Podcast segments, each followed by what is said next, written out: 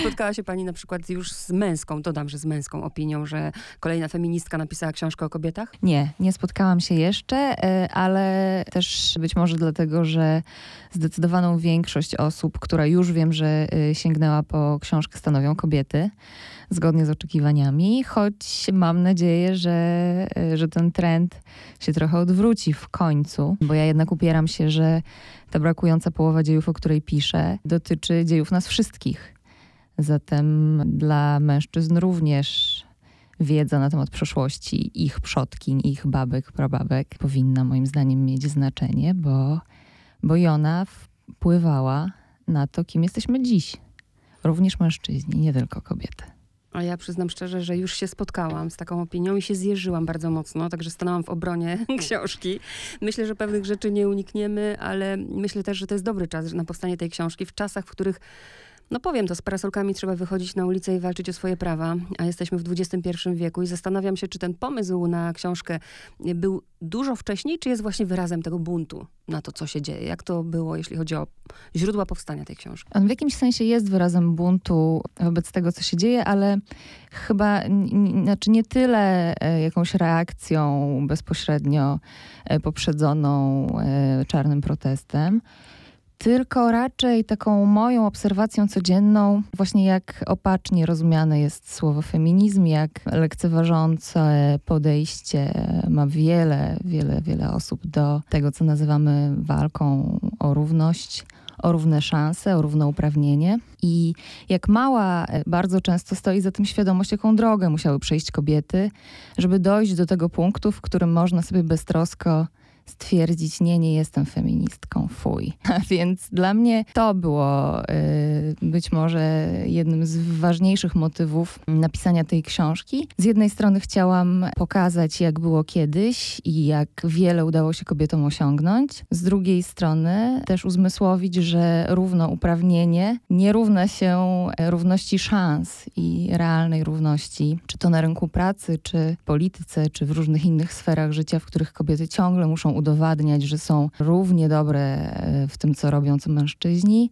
Zwykle y, wygląda to tak, że muszą udowadniać, że są co najmniej dwa razy lepsze niż mężczyźni, żeby y, wreszcie zasłużyć na szacunek. Zatem odpowiedź na Pani pytanie brzmi pewnie y, i tak, i nie. To się wszystko oczywiście bardzo ze sobą wiąże i cała dyskusja nieustannie rozgrywająca się w Polsce na temat praw reprodukcyjnych, prawa do, do decydowania o tym, kiedy, z kim, gdzie i ile chce się mieć dzieci chociażby, pokazuje e, właściwie jak na dłoni, że te naprawdę wielowiekowe e, uprzedzenia co do kobiecej natury tak to zwano przez całe wieki, gdzieś tam pulsują nam ciągle pod skórą. To znaczy, jeśli powracają takie argumenty, że oto kobietom należy czegoś zabronić, że kobietom ograniczać e, dostęp na przykład do antykoncepcji awaryjnej, bo one sobie jakby nie będą umiały zrobić właściwego użytku tak, z tej wolności, bo będą te przysłowiowe pigułki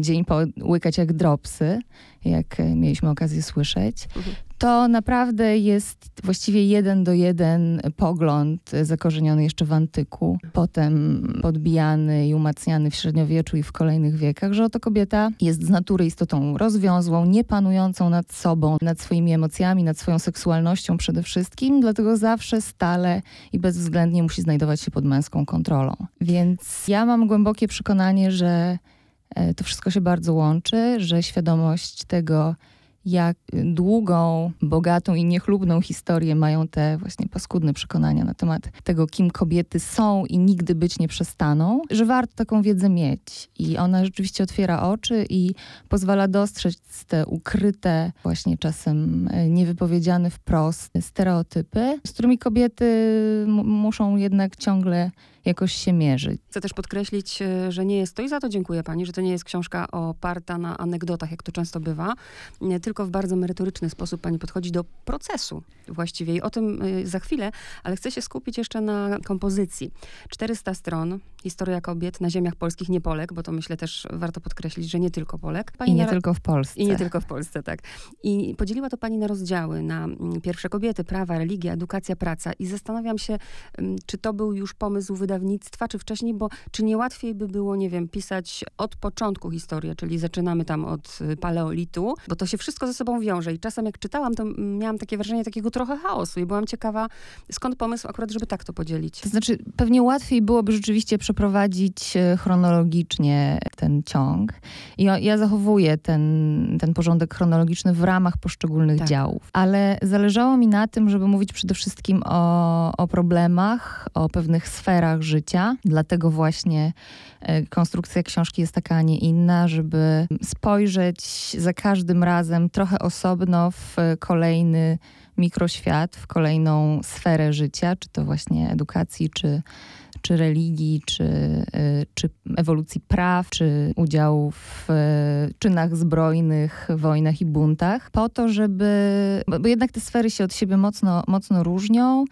Y, Ja też byłam przyzwyczajona do takiej e, właśnie szkolnej narracji o to, że idziemy rok po roku, wiek po wieku i co prawda znamy jakąś sekwencję zdarzeń, ale niespecjalnie potrafimy przeprowadzić jakiś ciąg przyczynowo-skutkowy, powiązać wątki w, większe, w większą całość i jakoś to odnieść do siebie samych. E, Zależało mi bardzo, żeby ta książka pomagała się jakoś e, no, nie tyle utożsamić z bohaterkami, czy właśnie z w ogóle tymi poszczególnymi wątkami, ale żeby też e, umieć e, jakoś siebie na tej osi czasu, na jej końcu, który mamy właśnie dziś współcześnie, zobaczyć, Mhm. tak? I zobaczyć tę ciągłość, e, również zmianę, ale jednak przede wszystkim długie trwanie. Patrzę na imponującą 30 stron bodajże bibliografię. Rzeczywiście książka oparta no, na, na faktach, na źródłach i to musiało być szalenie trudne, bo wiem, że konsultowała się pani przy pisaniu i z historykami, z metodykami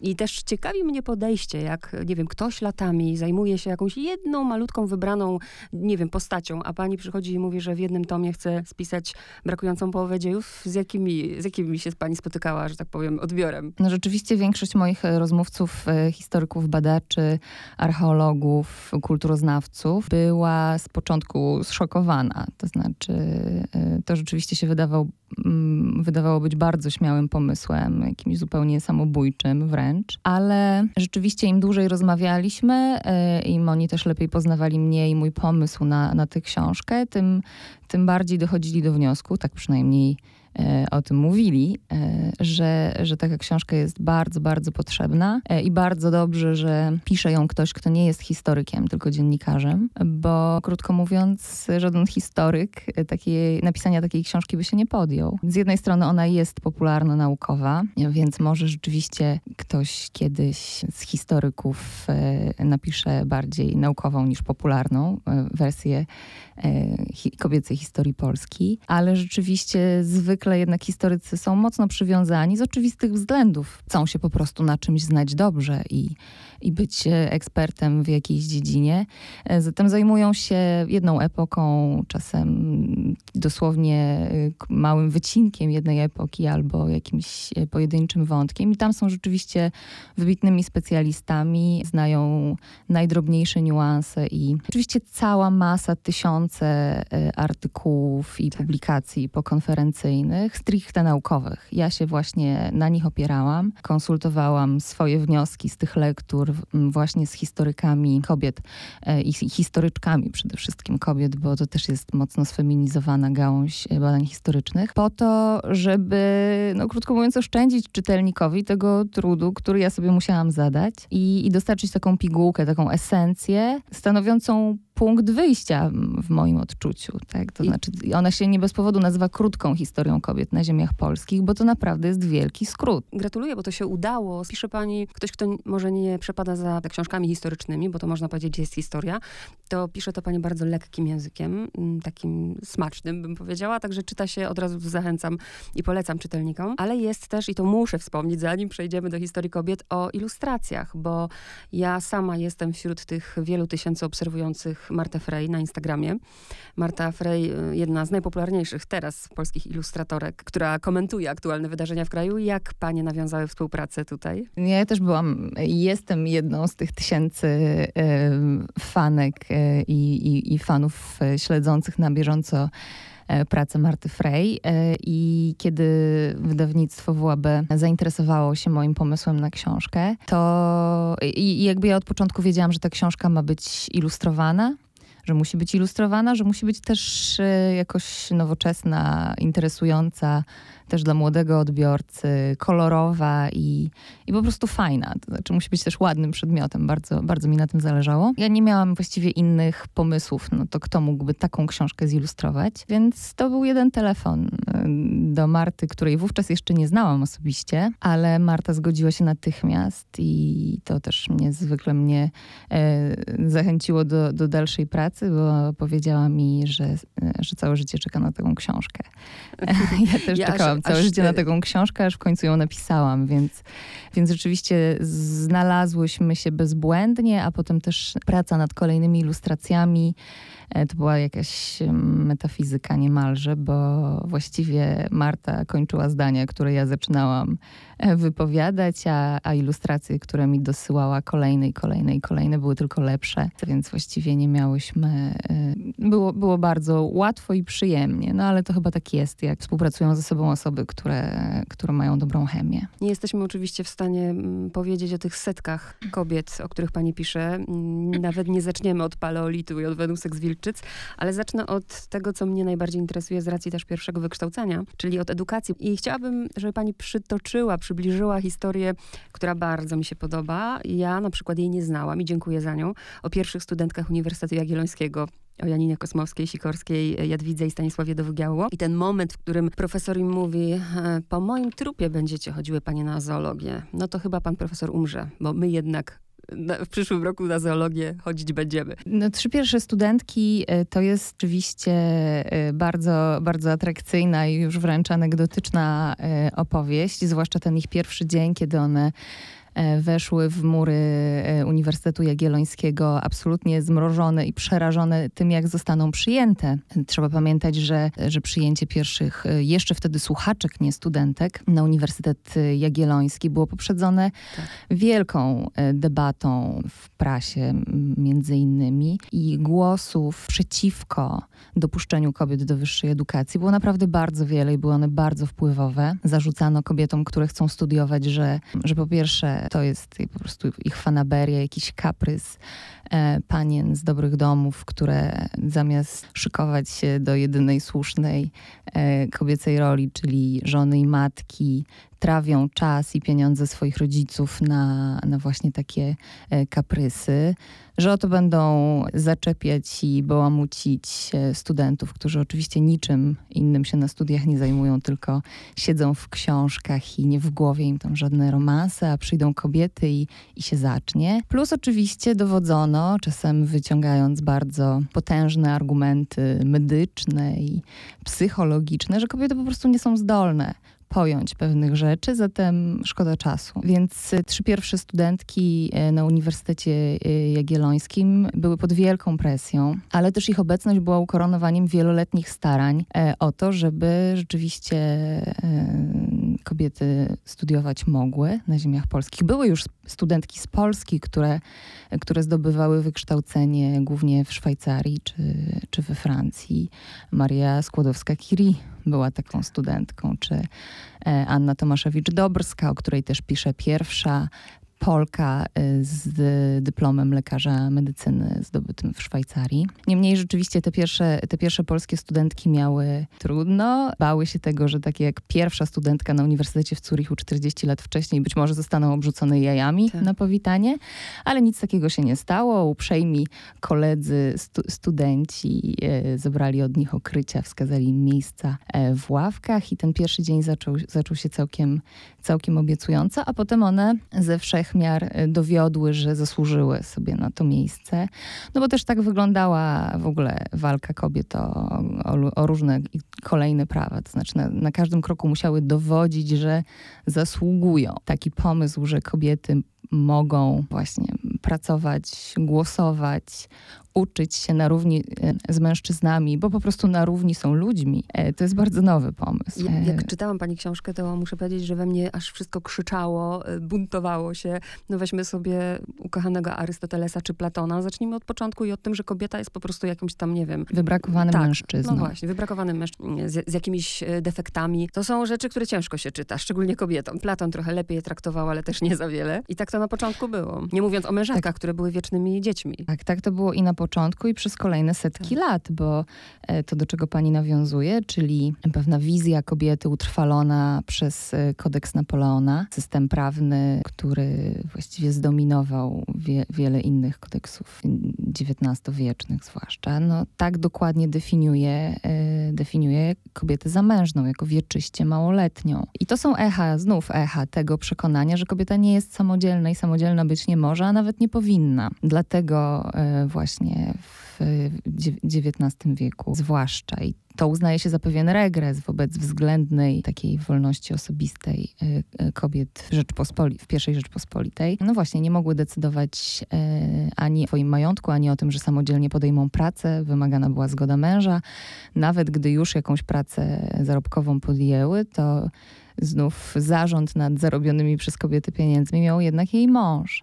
Mhm. Bardzo też trudna była sytuacja e, kobiet, które e, z jakiegoś powodu z mężami się rozstawały, nie miały praw do dzieci, a gdy zostawały wdowami, to y, też nie z automatu zostawały opiekunkami swoich własnych dzieci, tylko w świetle, w świetle prawa tak zwana rada familijna, czyli krótko mówiąc rodzina męża, decydowała dopiero o tym, czy, czy zechcą matce przyznać to prawo, czy, czy może sami to prawo i tą pieczę nad dziećmi obejmą. Więc rzeczywiście trudno się dziwić XIX-wiecznym emancypantkom, że uważały małżeństwo rzeczywiście za, za, za wielkie brzemię dla kobiet, bo przynajmniej w świetle prawa tak to właśnie wyglądało, a względną wolnością mogły się cieszyć dopiero wdowy. E, chociaż też nie zawsze, nie? Bo później wdowy miały lepiej, ale kiedyś nawet na stosach były palone, prawda? No tak, to są, to są te te podania e, i, i właściwie jedne z nielicznych, bardzo nielicznych wzmianek w źródłach pisanych na temat e, słowianek, tak, czyli naszych protoplastyk, które z jednej strony być może cieszyły się trochę większą swobodą, na przykład jeśli chodzi o dobór partnera na mhm. życie czy męża, są właśnie takie, y, takie wzmianki o tym, że, że właściwie też mogły prowadzić dość swobodne y, życie seksualne i na tej podstawie wybrać sobie, bądź być wybraną jako, jako dobra, w domyśle y, płodna w przyszłości kandydatka na, na żonę. A z drugiej strony mamy doniesienia o właśnie paleniu czy, czy płonięciu wdów słowiańskich na stosach wraz z mężami, tak? Więc więc, y, więc rzeczywiście pytanie o to, jaki był status y, kobiety na ziemiach polskich w tych przedchrześcijańskich społecznościach jest jest dość otwarte. Mnie się nie udało znaleźć jednoznacznej odpowiedzi, aczkolwiek są pewne, są pewne poszlaki, że na przykład w kulturze łużyckiej,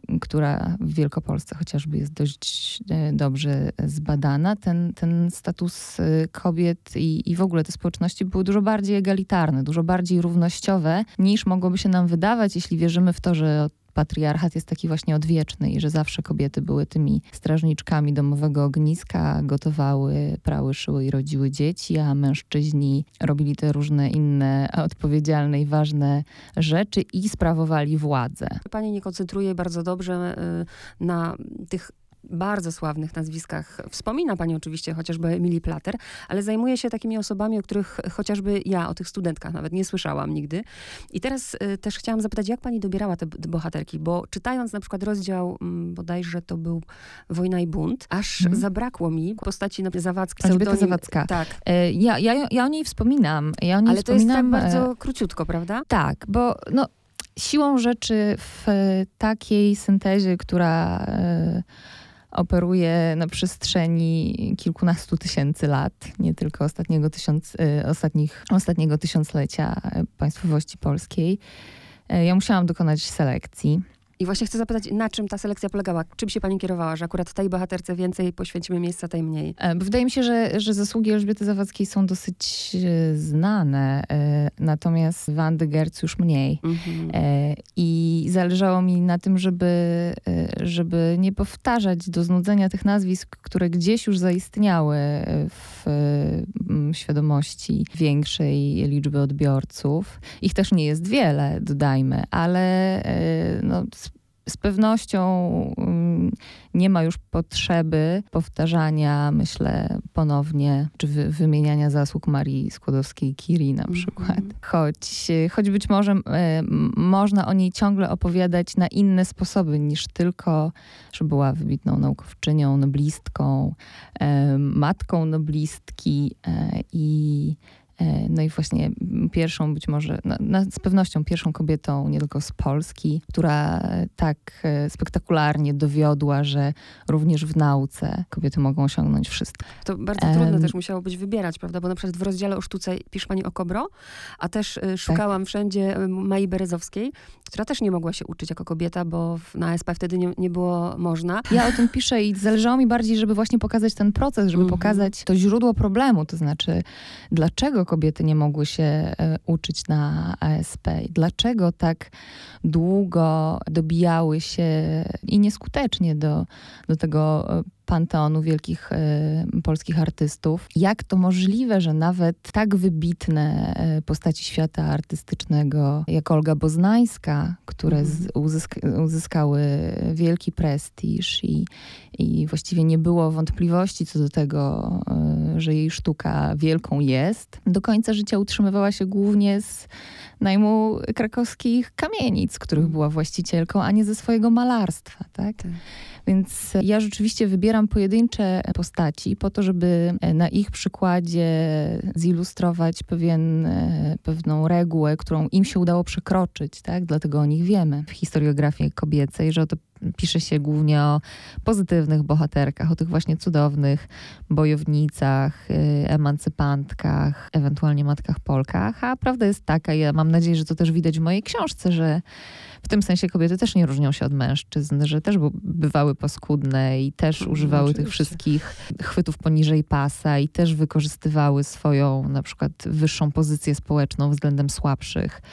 To, co tam pisze na przykład o, o tym, jak emancypantki traktowały swoje służące, tak? Mhm. to, to, to jest y, jakby kolejny krok. My chyba nie jesteśmy jeszcze na, na tym etapie właśnie, żeby, e, żeby nie pisać tej historii kobiet na kolanach. Ja bardzo się starałam jej nie napisać na kolanach, ale, ale rzeczywiście y, gro tego, co wychodzi, to są po prostu hagiografie e, ko- ko- kolejnych i kolejnych bohaterek. I to też, no, to też nie jest dobre, tak? No bo to umacnia właśnie jakieś takie nierealistyczne przekonanie, że że te kobiety naprawdę były takie, takie anielskie i, i tylko takie. Pisze też pani o, no bo nie, po prostu nie jesteśmy w stanie o wszystkich wspomnieć. E, e, rozdział religia, Magdalena Mortenska, albo te kobiety w zakonach, które rzeczywiście były, no można powiedzieć, e, emancypantkami, albo mistyczki, prawda, które były słuchane przez lud. Chcę, żeby też pani chociaż kilka słów właśnie powiedziała o tym dziale religia. Religia jest rzeczywiście bardzo specyficzną sferą. Dla mnie samej to było fascynujące odkrywać, że, że ta sfera, która dziś mnie osobiście wydaje się bardziej stref, sferą opresji niż wolności e, kobiet, rzeczywiście e, była takim polem być może pierwszej emancypacji.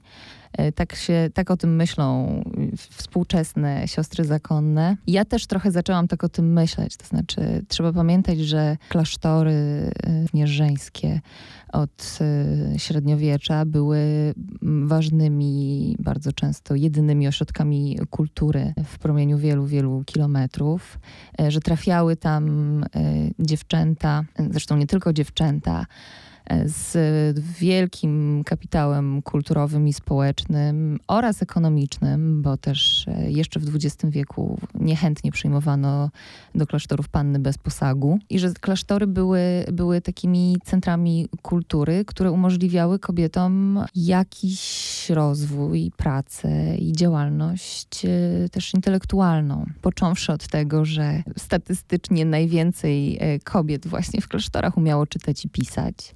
Z tym pisaniem to oczywiście uważajmy, bo, bo pierwsze pisanie było, było domeną rzeczywiście skrybów i skrybek. To była ciężka fizyczna praca i nawet ci i te, który, którzy to potrafili, wcale nie zawsze to robili. Natomiast czytanie rzeczywiście też było e, pewną e, sztuką dostępną naprawdę nielicznym, a już zwłaszcza nielicznym kobietom. Zatem e, jeśli w klasztorach. Pilnowano tego i oczekiwano od, od mniszek, że będą umiały czytać, to już po pierwsze, to już było naprawdę coś. Potem y, rzeczywiście Magdalena Mortenska, reformatorka y, benedyktynek, podniosła tą rangę intelektualnej pracy kobiet w klasztorach o, o stopień albo dwa stopnie wyżej. Ona też y, zachęciła trochę właśnie w duchu ignacjańskiej reformy mniszki do tego, żeby właśnie nie tylko czytały, ale również rozmyślały, dyskutowały w pewnych określonych ramach oraz upowszechniła przyklasztorne, e, przyklasztorną edukację dziewcząt świeckich, co jest e, absolutnie wielką zasługą. Zatem e, rzeczywiście te te, te mniszki już od średniowiecza cieszyły się E, pewną sferą właśnie swobody i wolności. Dziś nam trochę, myślę, trudno to zrozumieć, bo to jest e, i to w ogóle jest pewna, e, pewna trudność, gdy próbuje się pisać, czy w ogóle myśleć o historii kobiet, że przykładanie naszych współczesnych miar, tego, co my uważamy za wolność, mhm. albo co uważamy za, za ambicje, albo co uważamy za miarę, nie wiem, szczęścia czy spełnienia w życiu, bardzo słabo działa wstecz. Są też mężczyźni, ja szczególnie bardzo dziękuję za bójwidów. W środowisku mm, krakowskim... Bójwidowie byli tak, wspaniali. Tak, tak, to prawda. I to, mm, Oboje. To powiedzmy chociaż parę zdań tym, którzy nie wiedzą. E, tak, no to, to wspaniałe mm, małżeństwo, też e, taki dla mnie cudowny model partnerskiego związku, E, w którym oboje z małżonków nie tylko bardzo się e, kochają, ale też bardzo się przyjaźnią i, i wspierają. Znów trudno nam przykładać współczesne miary do, do małżeństwa Bójwidów, no bo gdy oni e, działali właśnie w XIX wieku w Krakowie zwłaszcza, możliwości pana profesora Odona Bójwida, wybitnego bakteriologa, pioniera antyseptyki, czyli krótko mówiąc człowieka, który szerzył wśród y, ludu, znaczy nie, no nie ludu, ale, ale w ogóle społecznie, świadomość tego, że są bakterie, że, można, że mogą przenosić choroby i że można się przed tym uchronić stosując właśnie zasady higieny. To, to było pionierskie wówczas. Jego żona Kazimiera z jednej strony bardzo mu dzielnie sekundowała, z drugiej strony bardzo by chciała i pewnie mogła e, robić e, to samo, ale nie, nie miała szansy jako kobieta ani skończyć studiów, ani tym bardziej zostać profesorką, więc z jednej strony bardzo wspierała swojego męża w jego wielce pożytecznej działalności, z drugiej strony to on bardzo wspierał ją i, i, i sprawę, której e, Bójwidowa służyła i, i była oddana, czyli kwestię dopuszczenia dziewcząt do po pierwsze dużej matury, a po drugie no właśnie do edukacji wyższej. Więc to jest rzeczywiście wspaniała historia e, emancypantki i, i emancypatora, właśnie, czy emancypanta tak zwanego, feministy. tak. E, tak, o których też ja piszę więcej, bo, bo było ich wielu tak. i to jest pewnie trywialna konstatacja, że gdyby tych mężczyzn wspierających postulaty kobiet nie było wcale, to rzeczywiście to też to po prostu nie, mogło, nie mogłoby się udać. Decydentami jednak byli koniec końców mężczyźni. To naczelnik Piłsudski podpisał dekret o ordynacji wyborczej zrównujący w prawach obywateli obojga płci.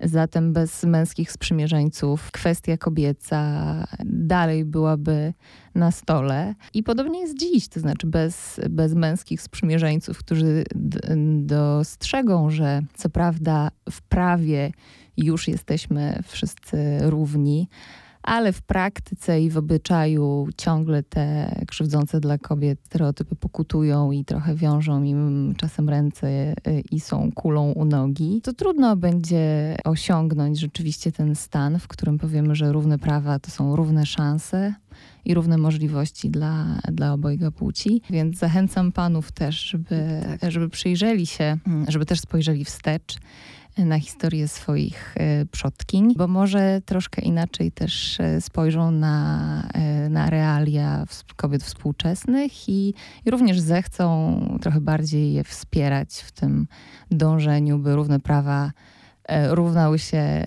takim samym szansom i możliwościom w życiu. I ostatnie pytanie. Ten rozdział ostatni jest też dla mnie bardzo ważny, gdzie zajmuje się pani językiem, tą sferą języka polskiego, który jest, jak pani pisze, męskocentryczny. Od frazologii, gdzie y, babskie na przykład gadanie, przez przysłowia, przez y, obraz kobiety w literaturze, do słowotwórstwa. Tak, z jednej strony kobiety walczą o to, żeby nie były niewidzialne, nawet w języku. Weźmy sobie zawody, prawda, doktor, doktorka, a z drugiej strony te same kobiety czują się, kiedy mówi się y, właśnie, nie wiem, prezeska, to czują się z tym gorzej. To jak to jest w końcu? No to jest właśnie jeden z tych licznych paradoksów, który jest paradoksem tylko pozornie. To znaczy, z jednej strony pomysł, że język odzwierciedla pewne postawy, przekonania, czy jakiś światopogląd, czy w ogóle wizję świata, ani nie jest nowy, ani chyba nie wymaga e, wielkiego uzasadnienia. To znaczy, wiemy, że sposób, w jaki mówimy o kimś, bardzo znacząco definiuje jego status. Zatem kiedy, kiedy mówimy o kimś lekceważąco i, i, i z pogardą, dużo łatwiej jest e, takiej osobie zaszkodzić na różne sposoby, a gdy mówimy o kimś z szacunkiem i, i właśnie tytułujemy go odpowiednio, to, e, to też jakby zupełnie realnie wpływa to na możliwości tej osoby, oddziaływania chociażby na, inno, na innych ludzi. Zatem e, dobrze, żeby język odzwierciedlał e, ten prosty fakt, że kobiety w, danym, w danych zawodach już są.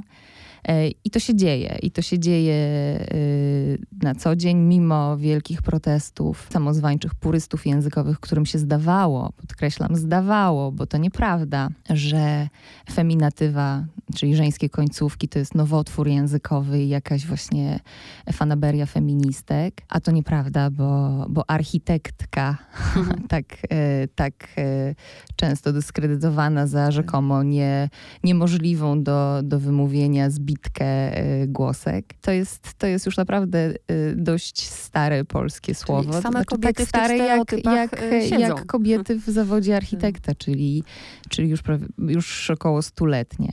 E, A z drugiej strony, no właśnie, te same architektki, które chciałyby być traktowane na równi z mężczyznami, w tym sensie, że mm, chciałyby uniknąć stygmatyzacji już na samym początku z powodu tylko swojej płci, jednak z tą stygmatyzacją się raz po raz stykają. Zatem jednym z takich odruchów obronnych jest e, negowanie, tak? próba udowodnienia, że się jest jak mężczyzna. E, Bo, bo tego się od kobiet e, oczekiwało i oczekuje, gdy, gdy przekraczają te tradycyjne swoje role, że jeśli łaskawie się im na to pozwoli, to wyłącznie dlatego, że udowodnią, że, że są takie jak mężczyźni. Nie równie dobre, nie dobre w inny sposób, tak? Być może swój kobiecy, właśnie specyficzny, a jednak nadal pożyteczny i twórczy. E, Tylko nie, że po prostu dopasują się do tego męskiego wzorca i do męskiej normy. Więc moim zdaniem te, te, to jeżenie się na, na y, żeńskie formy e, właśnie przez panie dyrektorki, prezeski czy, czy architektki jest trochę wyrazem właśnie tego niepokoju i tego lęku o to, by nie zostać zlekceważoną z powodu swojej płci. Co jest tylko smutne, bo I też się okazuje, E, jaki ten proces gdyby- mentalny musi być długi jeszcze, prawda? A, a jeszcze zapytam, czy pani zgadza się z tym, że to jest nasz czas, czas kobiet teraz? Hmm, nie wiem. To znaczy, z jednej strony mam ochotę powiedzieć, że, e, że nasz czas był zawsze, bo w- jeśli pomyślę o tym, co w życiu jest naprawdę ważne i czemu warto poświęcać czas, uwagę i serce, mówiąc, mówiąc po kobiecemu, to w tych dziedzinach e, kobiet było zawsze wiele i były bardzo ważne, kluczowe i sprawcze. Nie były to co prawda polityka i wojna, ale cała reszta życia. więc e, więc w, w tym sensie czas kobiet był zawsze. Z drugiej strony, to znaczy ten czas, w którym różne ważne głosy przekonują, że kobieca perspektywa tak zwana, czy, czy kobieca wrażliwość, czy empatia wreszcie zyskują status ważnych wartości, tak? takich, które mają moc być może uszczęśliwienia większej liczby ludzi niż, niż rywalizacja i przemoc, przypisywane tradycyjnie i też nie do końca sprawiedliwie mężczyznom, to, to w tym sensie tak. Być może rzeczywiście to jest jakiś, jakiś, e, miejmy nadzieję, że nie tylko przejściowy trend, ale ale jakaś rzeczywiście zmiana perspektywy na to, co jest w życiu ważne. Z mojego punktu widzenia również nadzieja na to, że spojrzymy w przeszłość trochę przez inne okulary i dostrzeżemy nie tylko to, co się działo w zaciszach gabinetów ważnych polityków i na e, frontach wojennych i barykadach, ale również to, co się działo w domach, w szkołach, w miejscach e, pracy, nie zawsze zawodowej, ale pracy, którą kobiety od zawsze wykonywały. E, krótko mówiąc, tam, gdzie działa się cała reszta życia. Życie codzienne, życie prywatne, życie uczuciowe. Dla mnie to, to jest nadzieja, że, że również na historię spojrzymy przez te nowe okulary i dostrzeżemy, jak wiele nas różni od naszych przodków, ale też jak wiele nas z nimi łączy i że to, kim jesteśmy, w bardzo dużej mierze wynika z tego, kim były i nasze przodkinie i byli nasi przodkowie.